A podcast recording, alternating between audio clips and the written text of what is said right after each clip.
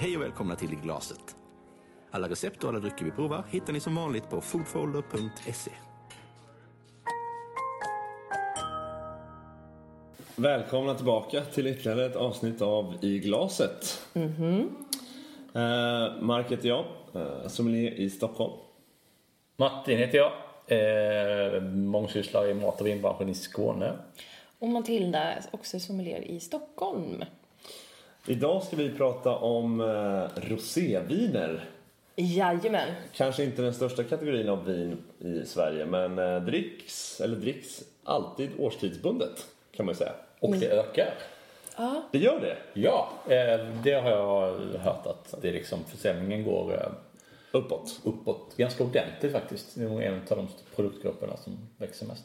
Men det här är väl en ganska förbisedd kategori av vin också när man egentligen går sommelierutbildning eller pratar om vin överlag. Ja men absolut. Det, det är ju precis som du säger att det, det är snarare bundet till, till en viss säsong. Och nu är vi ju på väg in i rosésäsongen någonstans när sommaren närmar sig. Och det, det är mer kanske en festdryck eller liksom sitta på en uteservering än, än ett lite mer seriöst. Lite mera, inom citationstecken, kröktänk när jag tänker på rosé.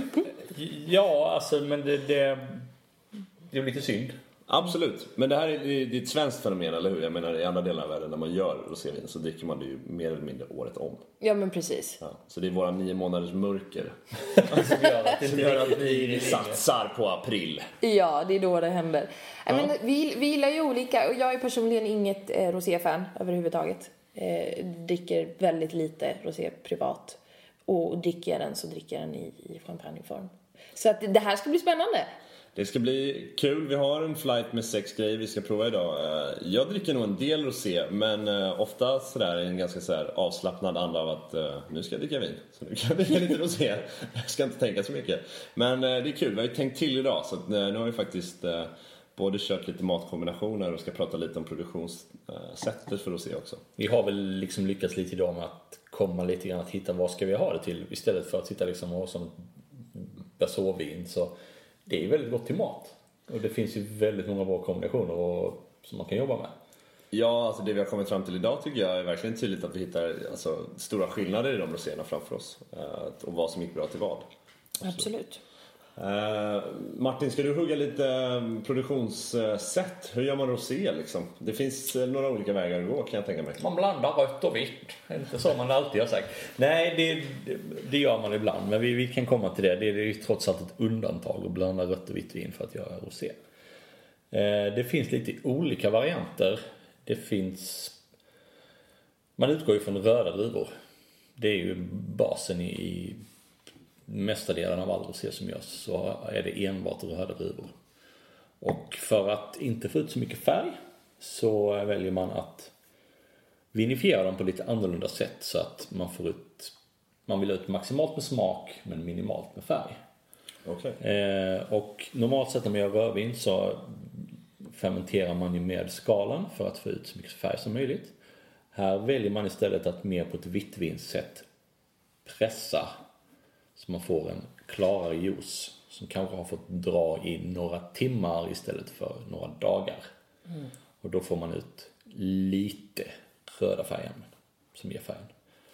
Och det ger även, man får ut lite andra smaker också. Eh, sen finns det ju lite korsningsvarianter där man egentligen har rosé som en biprodukt. Om man försöker göra tyngre rödviner på druvor som man om man hade bara gjort ett rödvin på dem så hade det blivit lite för lätt. Så då väljer man att man pressar av lite grann vin i början som man gör rosé på och så gör man ett lite tyngre rödvin på det som är kvar. Som man låter macerera in som rödvin. Och sen har vi ju då blanda vitt och rött. Som Matilda, vår champagneguru. Uppskattar. Uppskattar, det är korrekt. Absolut. Men, men Mark, kan man säga, om, om man tittar på färg, kan man säga, har det någonting med kvalitet att göra eller hur, hur är det egentligen? Jag tror att vi som svenskar som rosédrickare är väldigt färgorienterade på vad vi dricker. Det är ofta mycket, man slänger sig med laxrosa och gärna lätt i färgen. Men eh, jag tror färg ibland är ganska missvisande när det kommer till rosé. Eh, det det egentligen ibland kan tala om är egentligen som Martin var inne på, så här, hur länge har skalen kanske fått ligga med juicen? För jag menar, det är därifrån vi får färgen på rosén. Men kvalitet är egentligen, det hör verkligen inte till ämnet. Utan eh, här får man snarare säga kanske stil av rosé kan man ibland urskilja lite på färg. Men kvaliteten är nog ganska omöjlig att urskilja på färgen. Så skulle jag säga. Eh, även om vi, vi, vi märker ju att av de roséer som erbjuds här i Sverige så är det ju väldigt lätt kulör som, som eftertraktas. Medan alltså, jag ändå kan säga att så här, vissa av de här roséerna jag har druckit från eh, Rueda och Cigales och i en så här gammal Clairette-stil är också ganska intressanta att dricka och kanske är närmare vad man tror ibland rödvin är. Men, men ja, också intressanta och kanske mer, lite mer rustika och robusta. Men eh, rosé är ju väldigt aperitifigt på uteserveringarna och det ska vara lättsamt. Så att jag tror att det är därför den laxrosa färgen och Provence klingar ju bra och Saint-Tropez. Det är liksom allt det här hör ju ihop i en ganska härlig Bermuda-triangel tror jag. Det är därför det går bra ihop. Jag har ju liksom gått från typ att det var jätterosa och så blir ljusare, ljusare, ljusare. Och så nu är det lite seriösa producenter som börjat göra jätterött igen. Ja. Vilket gör att har man haft några idéer om det så kan man ju gå boom på massa gott rosévin. Om man liksom låter fördomarna gå före. Ja, och som en, av en händelse så ska vi faktiskt börja med ett vin från just Provence. Yes. Och det är just eh, laxrosa. Ja. Eh, det heter Pure, det är ett... Eh, Väldigt franskt namn. Ja, precis. Det är ett brittiskt par som har flyttat över dit och som börjar göra lite vin sådär. Eh, ska vi prova? Ja. Ja. Vad... Vad säger vi Martin? Vad hade vi här? Det här var en blandning av två ganska typiska så här, södra Frankrike-druvor. Grenache och Syrah. Ja. ja. Och här har man ju liksom pressat på på en gång så att man ska få minimalt med, med färg och struktur. Det är, det, Tanken är ju att det ska vara ett ganska eh, lättsamt eh, vin. Sällskapsvin alltså. Ja. Men vi har ju också provat det med lite mat. Så vi vet ju att det finns lite användningsområden för den. Ja, det här är ju ingenting man liksom eh, behöver tänka bort ifrån om man ska liksom ha ett sommarvin och bara dricka lite rosé. Det är jättegott, men det, vi märkte också att det fanns en, en god kombination med den eh, kanske inte fullt så klassiska rätten fetaostburgare. Nej. Där man inte ens har bröd utan man har vattenmelon och fetaost. Ja. det kommer ju bli en hit i sommar, verkligen. Jättegott med två drag svartpeppar på. Ja. För att plocka upp lite grann av den mera starka karaktärerna som finns i det. Liksom. Han är ju en bra fruktighet. Absolut. Verkligen. Det är ju ett ganska så här, örtigt, mycket frukt, straightforward. Lättsamt. Gott att dricka lite välkylt också tror jag ska, skulle jag säga. Men jättegott med den här, liksom, den här fetaostens struktur som gav den här, mm, vad ska man säga, mejerikylan i munnen liksom. Med vattenmelons saftighet. Ja, det var en bra kombination. Läskande. Fräscht. Mycket, mycket.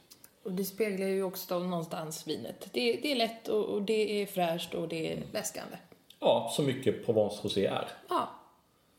Det är liksom eh, ett mycket klassiskt område för rosétillverkning. Så det görs inte så mycket annat riktigt i Provence just.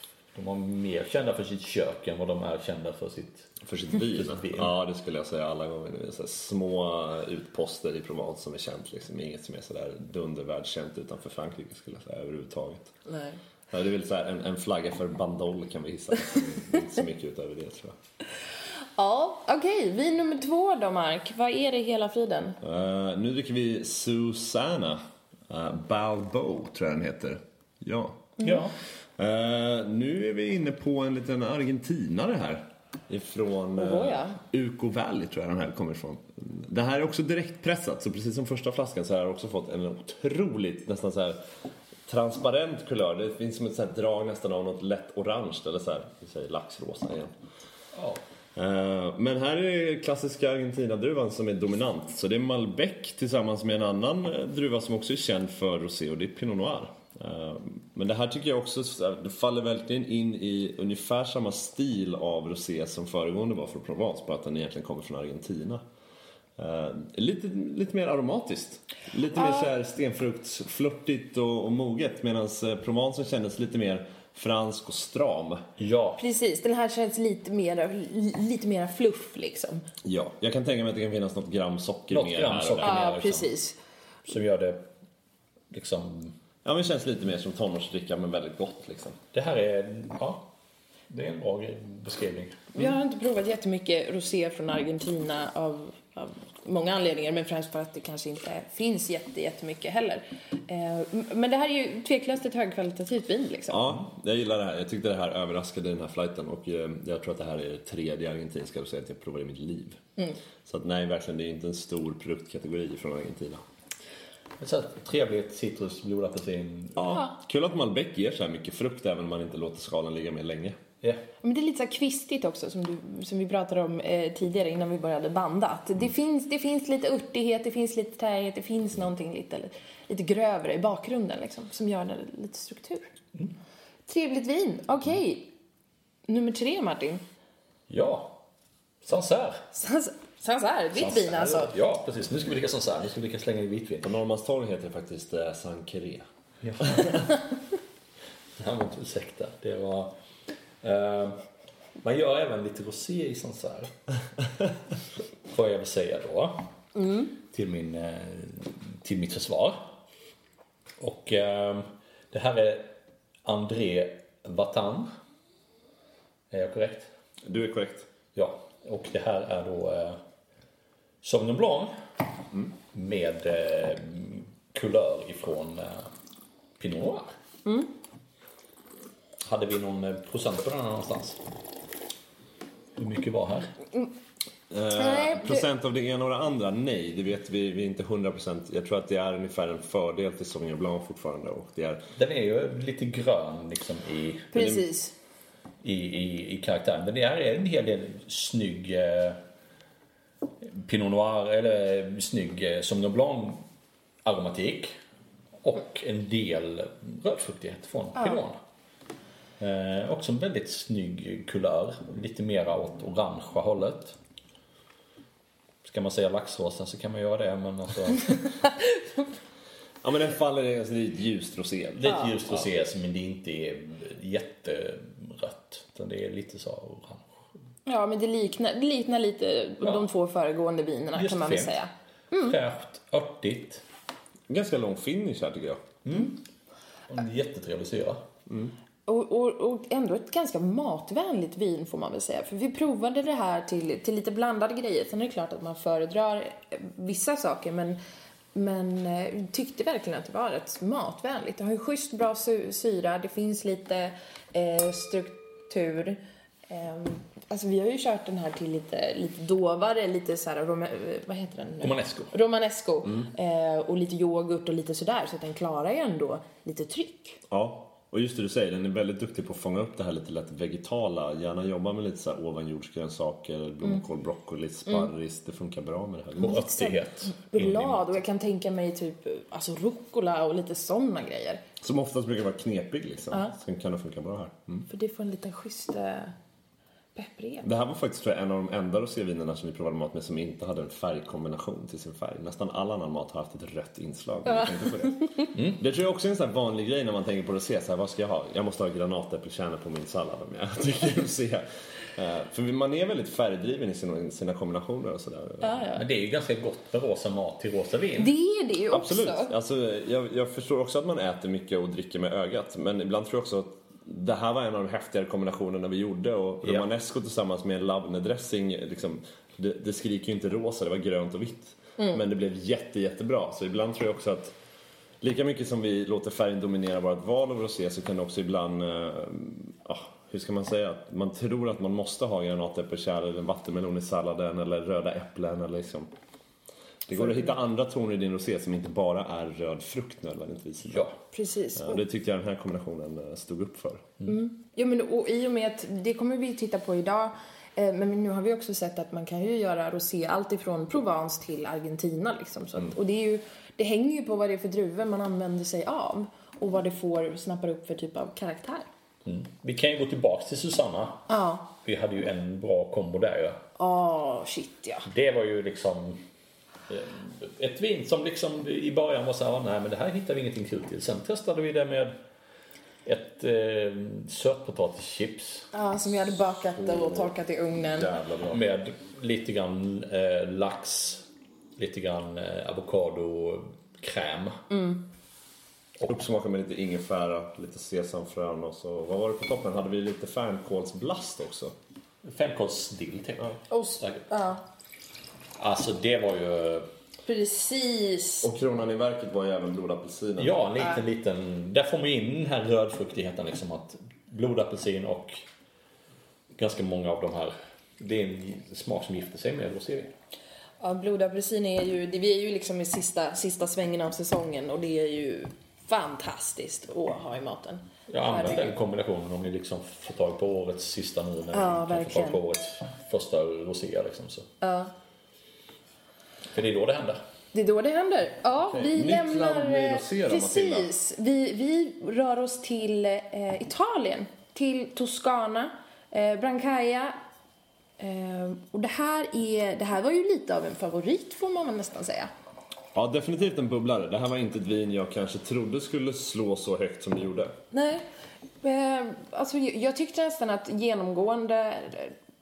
Jag är som sagt ingen rosé-tjej överhuvudtaget, men det här, var, det här var verkligen någonting som jag kan tänka mig att eh, köpa en flaska av. Och det tycker jag, eh, det, det är skitbra liksom.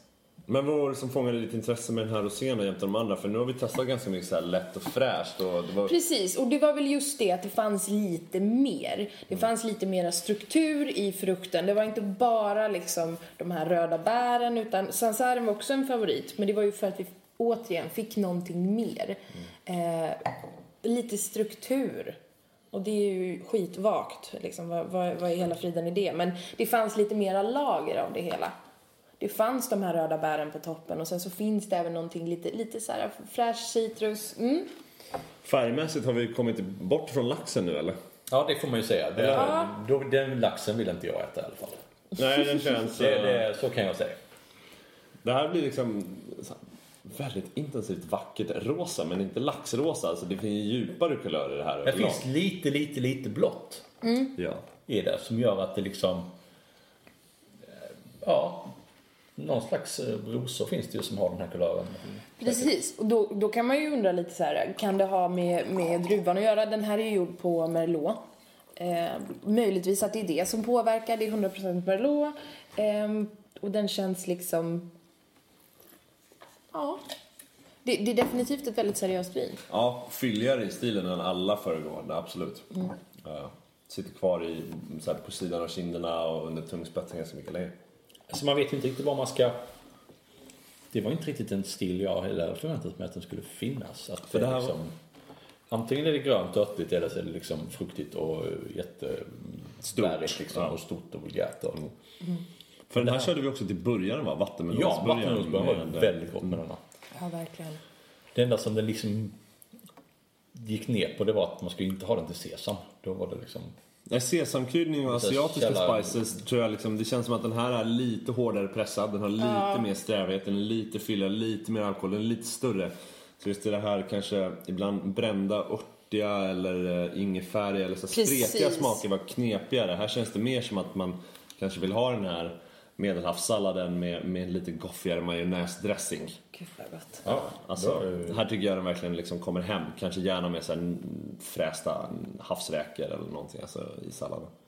Um, men ja, nej, jag, jag tycker det var imponerande. Liksom Merlot från Toscana och Rosé. Det är inte... Det, det, på Snarare- pappret kanske inte det ska vara det absolut sexigaste liksom, men, men det var i slutändan en väldigt bra produkt. Men nu... Eh, Så på tal om det du säger här, räkor och rosé är ju faktiskt väldigt gott ihop. Det är det alltså? Ja, jag, Du har gjort en liten studie ja, detta? jag har gjort en liten studie någon gång hemma. Och jag typ fräste liksom bara på dem med lite schyssta citrus och vitlök i, ute på grillen. Det är väldigt gott med rosévin. Det är också det här rosa med rosa. Ja. Intressant att färg kan bli så dominant när man har Ja. en kombination ibland faktiskt. Ja, för det, där har vi ju verkligen samma sak på orange, men det ska vi ta ett helt annat avsnitt. Men, men orange orange, det, det går ju ihop. Det gör det. Så det är någonting med det.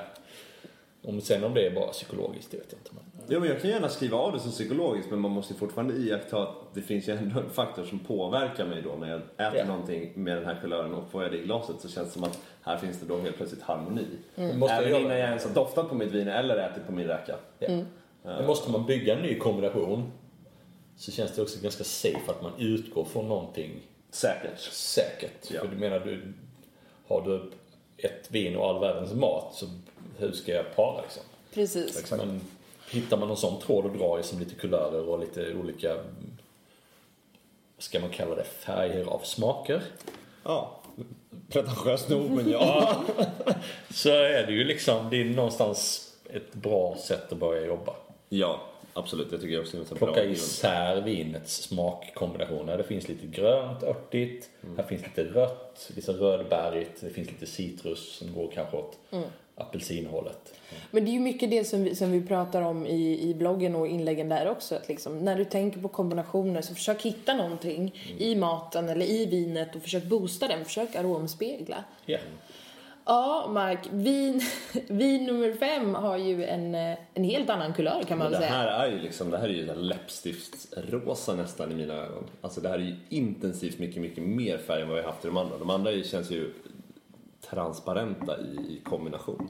Eller i Du, jämförelse det är så sant.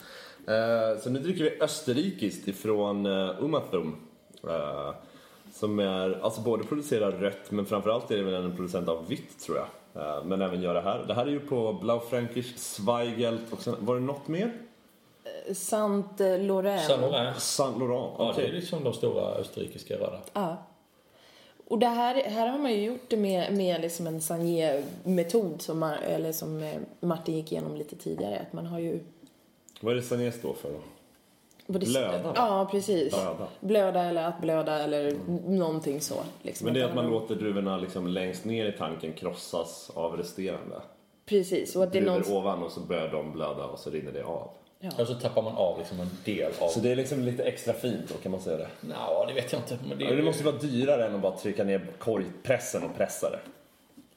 Vi måste ju ändå vänta på att liksom lassa i de här druvorna och så ska vi tappa av det här. Eller är det inte bara bleed-off liksom? Att du bara tar av en del, del delflödet i rosé? Ja, jo, det kan man ju också se det som. Jag tänker Sen bara... vet jag inte hur, det hade varit kul om man kunde få prova hur blir rödvinet. Ja. Den har jag aldrig provat. Det hade varit kul att prova dem Så, tillsammans. samma vin fast i liksom de olika buteljeringarna så att De säga. skildes ju för som getingstvillingar liksom. Ja, men som sagt, rosé från Österrike, det känns ju inte heller liksom som det absolut mest vanliga. Nej, det är ju inte liksom... Det är inte samma association som Provence, nej. Ja. Och färgen står ut lite grann. Vi har lite druvor som känns lite halvnya. Ja, för det får man säga för de flesta liksom. Zweigelt är inte någon som dricker varje fredag till tacon. Nej. eh, Men hur blir vinet då? ja, alltså om man nu vänjer sig vid att det är typ chockrosa. Ja. Eh, för det, i mitt huvud så stör det lite. Så är det väldigt gott vin. Som har ganska mycket Österrike i sig. Inte så att det bara liksom har det här österrikiska blåfruktiga rödvinstänket. Utan det, jag tycker det här är ganska österrikiskt vitt vin av god kvalitet liksom. Ja, också en markerande nästan tydlig mineralisk sälta som ingen av de andra vinerna egentligen har anspelat på idag. Vilket jag också tycker känns, eh, egentligen precis när man har svalt så märker man att det finns någonting upptorkande snarare än någonting endast syradrivet i det här vinet. Så det finns, det finns en annan dimension tycker jag till att dricka det. Eh, Ja, hade, jag, hade jag druckit det här i ett svart glas, då är jag inte säker på vilken färg jag hade satt det här Jag hade nog alltid landat i ett vitt vin för det här tror jag, definitivt. Eh, Jag hade associerat, lite som Martin pratade om, att det finns något österrikiskt över det här och det är just den här liksom så här mineraliska, linjära precisionsarbetet runt vinet. Det är otroligt fokuserat på vad det är. Det är inte så flabbigt eller det smakar inte lite av det ena eller andra utan det här är vad jag är och det här är jag. Ja. Det är väldigt österrikiskt och preussiskt. Det är så här, ja, det här gör vi. Is it it burn? Ja. Och, och matmässigt så, så är ju det, det, är ju, det funkar ju bra att köra till, till lite smakrikare grejer. Vi- Den, den är inte... Nej, den här vek ju inte ner sig mot Nej. någonting. Vi ställde upp ju- den här mot ingefära och det gick bra. Vi har ställt upp den här mot, mot liksom smakrika saker och, och råa. Eh, Tonfisktartaren var ju en Precis. hit. Det är en umami-bomb, typ. Eh, och den håller ju där. ja. Mm. Men det här måste nog än så länge kännas som det mest smakintensiva. Ja. Eh, Och även fylliga. vi har. Absolut. Vi, vi har rent färgmässigt tagit ungefär 500 kliv uppåt. Och, men smakmässigt så har vi också liksom klivit upp ett par nivåer. Mm. Det blir lite mera tryck i det här. Nej men en flörtig färg, även om den ibland kan kännas väldigt eh, udda när man har en, en ett serie av sex glas och alla är lätt laxorange och så har man någonting som är så intensiv hallon. Ja, den, känns ju nästan, nästan. den ser ju nästan lite kemisk ut. Men Lite så kemiskt godisfärg. Men det är väl egentligen Det- det, det på grund av att det är är Blaufränkisch och Zweigelt så Ja. det är en färg från skalen här egentligen. Så man behöver inte vara orolig att bara för att det är mer färg så är det inte någon som har doppat karamell i vinet liksom. Nej. Jaha. Det, Ja, jag Ja. tror vi tar eh, den som nu inte dricker så mycket rosé. Förutom i den enda delen av världen där man får blanda vitt och rött för att göra rosé. Så jag tänker eh, sista glaset Matilda får du prata lite om. Ja men du, det går så bra så. Eh, det här är alltså eh, en champagneproducent som heter Charles Heidsieck. Det här är deras rosé. Det är deras eh, multiple vintage, så det är inte en, en specifik årgång. Och det är precis som, som vi har pratat om tidigare, man har blandat helt enkelt. När du säger multiple vintage, varför säger man det istället för non-vintage? För ofta går man ju på krogen och så står det så här NV i alla listor. Precis, och, och det, För du menar väl egentligen samma sak som Jag, NV? jag, men, jag menar samma sak, men det här är mer deras egna eh, formulering när det gäller det här vinet. För att man hävdar att, att man har blandat med eh, specifika årgångar och man har... Det, det här är ett seriöst vin som absolut eh, håller en, en väldigt hög kvalitet och att årgångarna någonstans också ska kunna reflektera eh, vinet i slutändan. Så kan man säga att det egentligen är en mer korrekt sätt att säga att det är multi-vintage istället Ja, för att alltså säga jag, jag gillar ju det uttrycket. För det beskriver egentligen vad icke-årgångslablad, om man kan säga, eller etiketterad champagne faktiskt är en blandning av årgångar istället för att säga att det inte är en ingen årgång. Mm. Ja, okej. Ja men som sagt, vi har eh, Heidsieck, det är deras rosé, det är såklart bubblor i det här vinet då eftersom att det är en, eh, är såklart, men det är, det är en roséchampagne helt enkelt. Eh, och det här är ju, det här är ju livet på en pinne tycker jag. Jag är stormförtjust i roséchampagne, eh, tycker att moussen adderar ganska mycket. Eh, det är ett seriöst vin, det är en producent som vi alla tre är väldigt förtjust i eh, som gör mycket bra grejer. Det är klart att prislappen blir ungefär tre gånger så hög som på de andra vinerna som vi har provat idag. Ehm, Men det är ju typiskt bara för att det står champagne på precis, precis. Inte för det är ju ganska klar- mycket dyrare att producera också för det, det är lagringstider och det är liksom... Ja, ja, ja. Det är ju champagne och sen är det gjort i rosé-stil. Mm. Men framförallt är det champagne. För roséchampagne som helhet är ju också nu dyker vi kanske in i en subkategori egentligen i mousserande vin när vi pratar om rosé-mousserande men det kan ju vara kul att nämna då liksom roséchampagne är ju verkligen ganska undanskuffat eller egentligen inte någonting man pratar sådär jättemycket om när man pratar om stora champagner eller Nej. det känns också lite bortglömt och lite sådär Nej men, Ja, men lite- måste ni göra det där? Ja, det känns men som att det- det är ofta ganska vanligt att stora hus gör en rosé för att fylla ett marknadshål i sitt portfolio. Ja, precis. Och sen har vi insett att det också finns hus som verkligen de fokuserar på att göra rosé och där, där tror jag man kan verkligen hitta bra roséchampagne jämfört med de här andra som bara så här, ja ja, vi gör det här också eftersom vi har en del pinot. Precis. Eller det behöver de inte ens ha. De kan liksom... De kan ju egentligen köpa pinot från någon annan Ja. och hälla det i sitt vin. och Jajamän, rosé. och så bara, det här blir, det här blir festligt. Eh, men för, fördelen är ju också någonstans eh, när man har ett mousserande rosévin, det är ju att, att själva moussen eh, arbetar lite som en, den förenklar kombinationen med, med mat, ofta. Ja.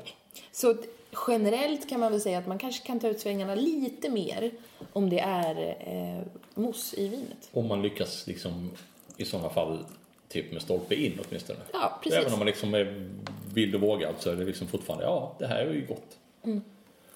Sen är det liksom, det blir en annorlunda grej eftersom det är champagne så har vi hög syra och det måste man få med i sin mat. Alltså i maten så måste man ha in en syrakomponent för att det ska gifta sig riktigt bra. Då Mm. Så har det kan ju vara bra att tänka på. verkligen underlättat. Och det kan ju liksom vara citrussaft eller så kan det liksom vara typ en eh, crème fraîche, yoghurt som det är syrad. Äpple, alltså Äpple. saker som, som naturligt har en, en, Ja. en lite högre syra. Ja. Här har vi ju en liten annan kulör också. Mm. Som inte är liksom den här eh, antingen den rent laxrosa eller den här jätteyppigt rosa-blå. Nej, här vill man, jag vill ju rent instinktivt säga mer såhär blodapelsin. Ja, men Ja, lite mer mer orange, orange. ja. Mer orange är väl liksom undertonen än, än liksom Ja. rosa. Det är liksom, det drar åt orangea, liksom så här svagt bruna Mm. hållet. Och det, det är ju det som är det eleganta med champagne. Det här kommer ju försvinna om man lagar detta länge, länge, länge, länge så kommer det ju inte gå att säga att det här var rosé från början. Alltså. Nej, och det är kanske en grej man ska tänka på när man, om, man, om vi jämför våra stilla roséer med champagneroséer. Att det man kan förvänta sig i fruktighet från stilla roséer kanske man inte får igen lika mycket i mousserande roséer. Framförallt nu om vi pratar om champagne. Utan här infinner sig kanske mer av det vi snabbt recapar tillbaka till mousserande. Att det blir kexigare, det blir brödigare, det finns karamelliga toner, nötiga toner. Alltså mer sådana komplexa aromer. Även om det kanske finns en så här slöja av röd frukt som, som alltid finns med så det är en ganska stor skillnad på aromerna bara direkt mellan våran österrikare där det fanns mycket röda bär till att dricka en roséchampagne som, som faktiskt bara till hälften kanske är gjort på röda druvor och resterande är från eh, de andra två druvorna eller den ena. Ja, och varav det kanske bara är 5% av juicen som har givit färg. Ja. Ja. Och resten var ju helt klart och resten är liksom bara tillsatt på slutet. Så är det liksom, är det röda bär och vildhallon du vill åt så kanske inte alltid roséchampagne Nej. är eh, grade A choice. Nej. Och kan vi också någonstans komma överens om att man inte nödvändigtvis behöver hälla Fanta i sin rosé också? Absolut, is är inte heller behövt. Nej. Men det är upp till alla. Men absolut, framförallt ingen Fanta tycker jag. Då smakar det ju definitivt Ja, men då kan man köpa det i låda istället. Ja. Eh, vad, vad äter vi till Charles Heisig då? Jag tror att vi, ja, vi provade den här emot samma rätt som vi var inne på tidigare. Det var vår tonfisk tartar.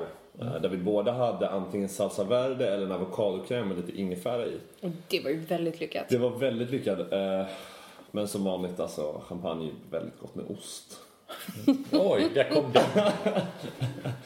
ja, men får jag vara lite politiskt inkorrekt och säga att vi skapade en rätt här Ja. på några få minuter av lite det man råkade ha hemma. Och det var typ en anklevermousse som man fyller hallon med. Vanliga sådana fina köpahallon i burk, liksom färska. Och så fyller man upp dem och sen drar man två kvarn med pepparkvarnen. Och vill man kan man addera lite grann någon slags ro- roséglass som vi kommer ha recept på. Som är väldigt gott ihop. Ja, det var riktigt bra. Det var vulgärt och gott. Men det brukar vara vulgärt och gott när det är ankare. För det går även att ja det här är väldigt intressant för man skulle nästan kunna göra en sån servering som nästan en dessertservering. Och vissa av de här roséchampagnerna de behöver inte speciellt mycket dosage och är man lite vågad när man gör sina desserter så anspela mer på syra. Alltså tänk er det här sorbetspåret som många menyuppbyggnader har att det handlar om att rensa paletten och få fräschör. En fördessert ja. Ja, egentligen en fördessert och även så här, du kanske inte måste ha en dessert efter fördesserten men alltså satsa på ett friskt avslut på din middag. Då kan du fortsatt servera champagne som sista dryck utan att det behöver bli sött mot sött.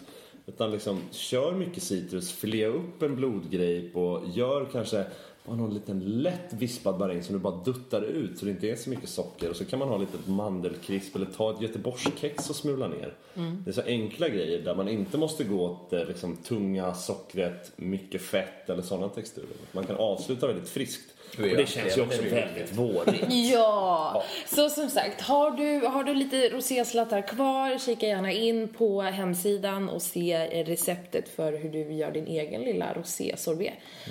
Och sen så, ja, vad du, vad du gör med den, antingen äter du den som dessert som vi pratade lite om, eller så gör du en liten slush med lite extra rosé eller något annat Slänger in den i mitten på middagen eller i början på middagen. För det, det är inte jättesött men det är jättegott. Ja, men hörni, eh, som sagt, kika in på hemsidan och bloggen för recept och lite mer information gällande vinerna. Ehm, Välj inte rosé på färg. Nej, Nej. vi vågar inte välja på färg. eh, Och eh, lägg några slantar extra så får man ju bra grejer. Det är ju kul vin. Tack för tack så mycket. Alla recept och alla drycker vi provar hittar ni som vanligt på foodfolder.se.